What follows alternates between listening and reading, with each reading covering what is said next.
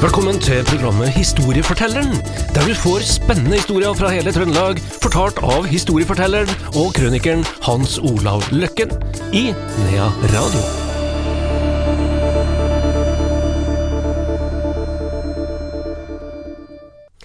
Vi er klar med en ny historie her fra historiefortelleren i Nea Radio. Velkommen til Hans Olav Løkken.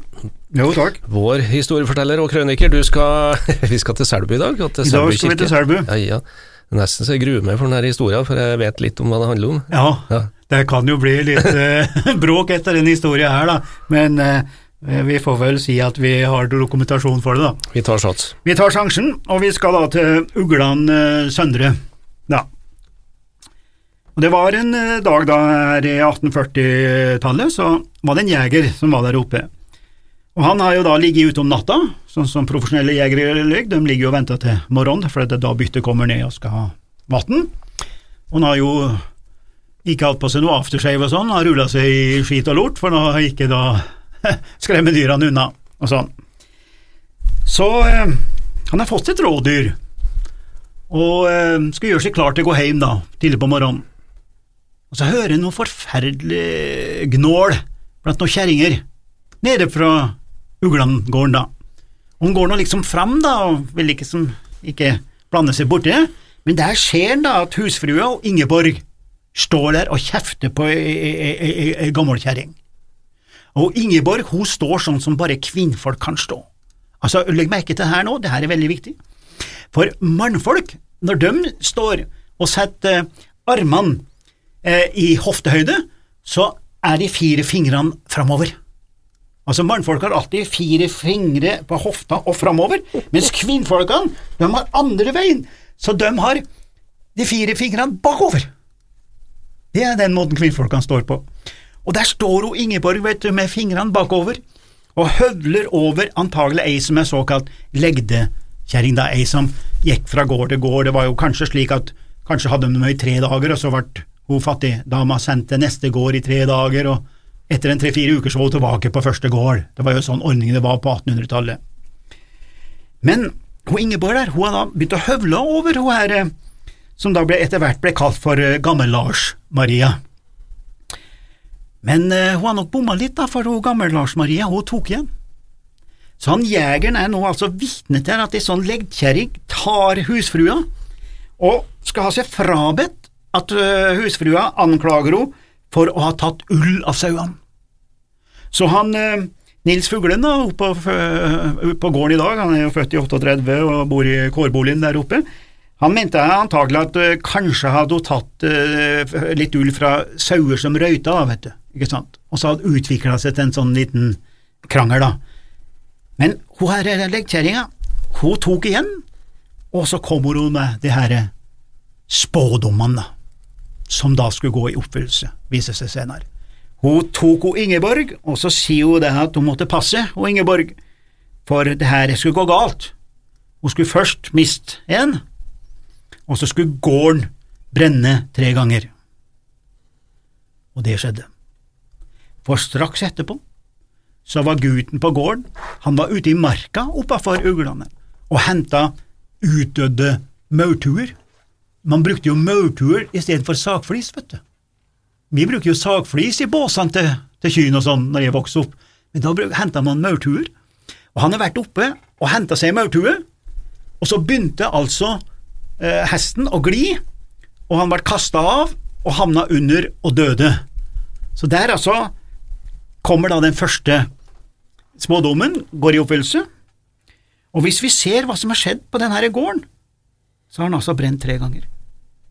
Han brente jo sist under krigen, i forbindelse med slaget ved Garberg bro, da tyskerne bevisst satte eh, gården i, i, eh, i brann.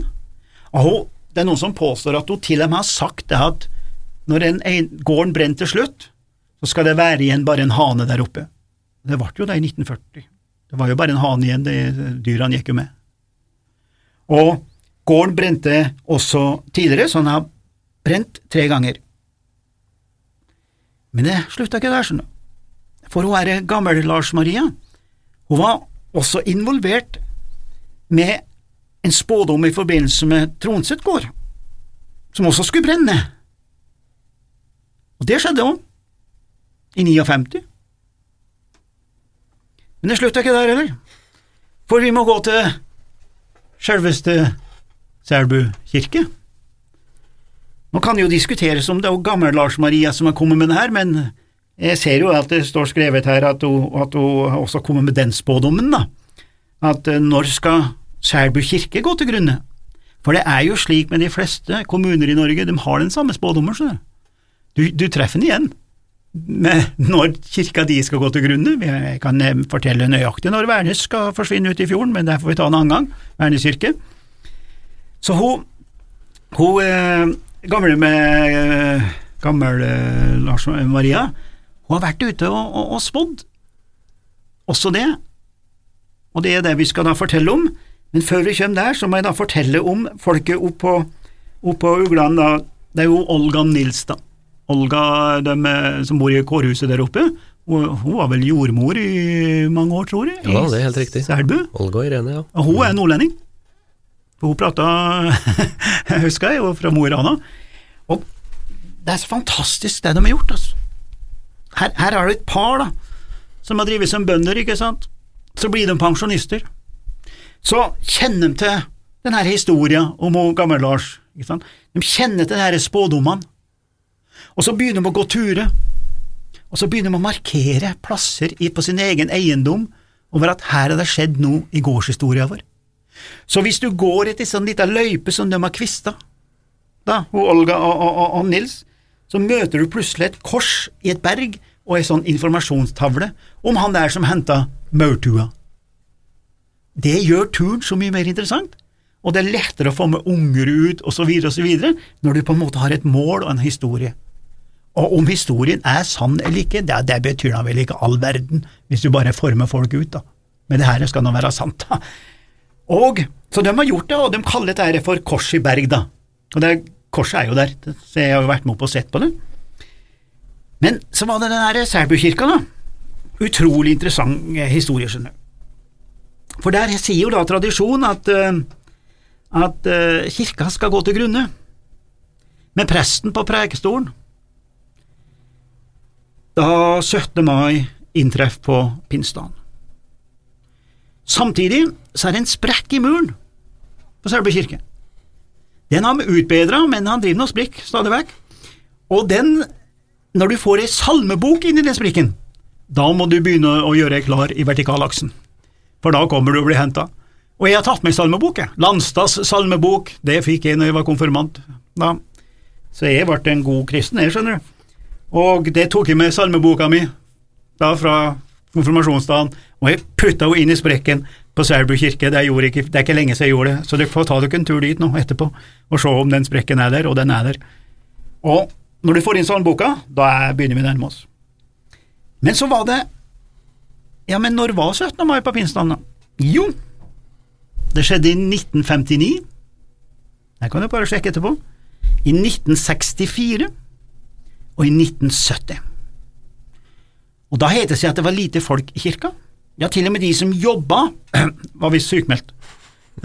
Så, så, det er klart at den tradisjonsfortellinga her, den er det noen som kan. da. Og så kommer da selvfølgelig poenget som alle har venta på. Ja. Når er neste kom gang? Med det nå, kom, med det nå. Ja. Når er det neste gang at 17. mai inntreff på pinsedagen? Jo, 17. mai i år 2020. 43. Pass på!